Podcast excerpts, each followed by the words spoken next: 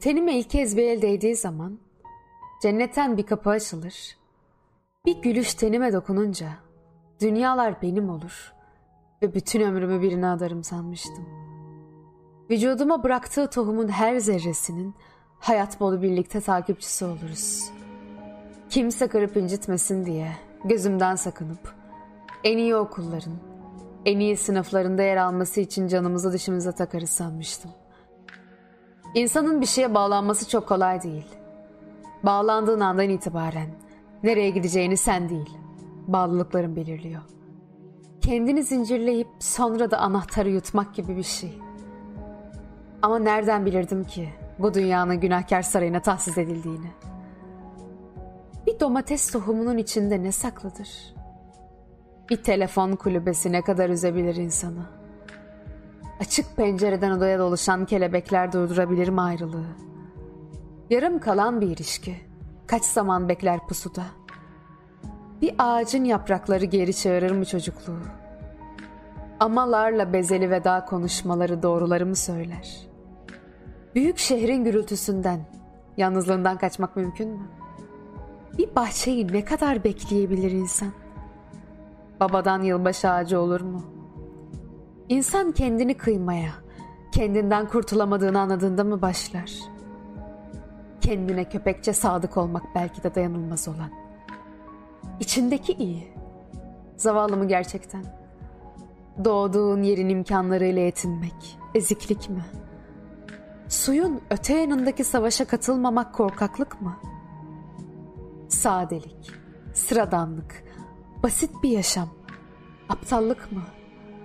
İçindeki, içince kötünün açığa çıkması mı insanı çekici kılan? Bazen bütün bunları gelip dönüp baktığımda bir şey düşünüyorum. Kendim dışarıdan gelen etkilere karşı koruyabilmek için inşa ettiğim kaleler her geçen gün yıkılıyordu. Büyük bir tehlike. Çok yakınıma gelmişti sanki. Acaba bazı şeyleri başka türlü yapamaz. Yaşamamı farklı bir biçimde yaşayamaz mıydım? Daha az acı çekip, daha az çektiremez miydim? Bilmiyorum. Belki, belki de değil. Ama şunu biliyorum. Kendim varken bana zarar vermesi muhtemel bir başkasına ihtiyacım yok. Ama şunu biliyorum. Yaşam tek seferlik. Kırıp dökmeye gerek yokmuş.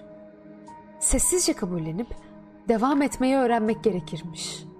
Olmuyorsa zorlamanın anlamı yokmuş. Tek taraflı çabayla insan ilişkisi yürümezmiş. Bazı şeyler o an anlamlıymış. Kaçırınca geriye dönmek imkansızmış. Ve zaman ayırmak çok kıymetliymiş. Bu iş böyle değil mi? Dostluk işi yani. Neye ihtiyacı olduğunu bilmiyorsun. Sadece ihtiyacı olduğunu biliyorsun. İçimi yokladım.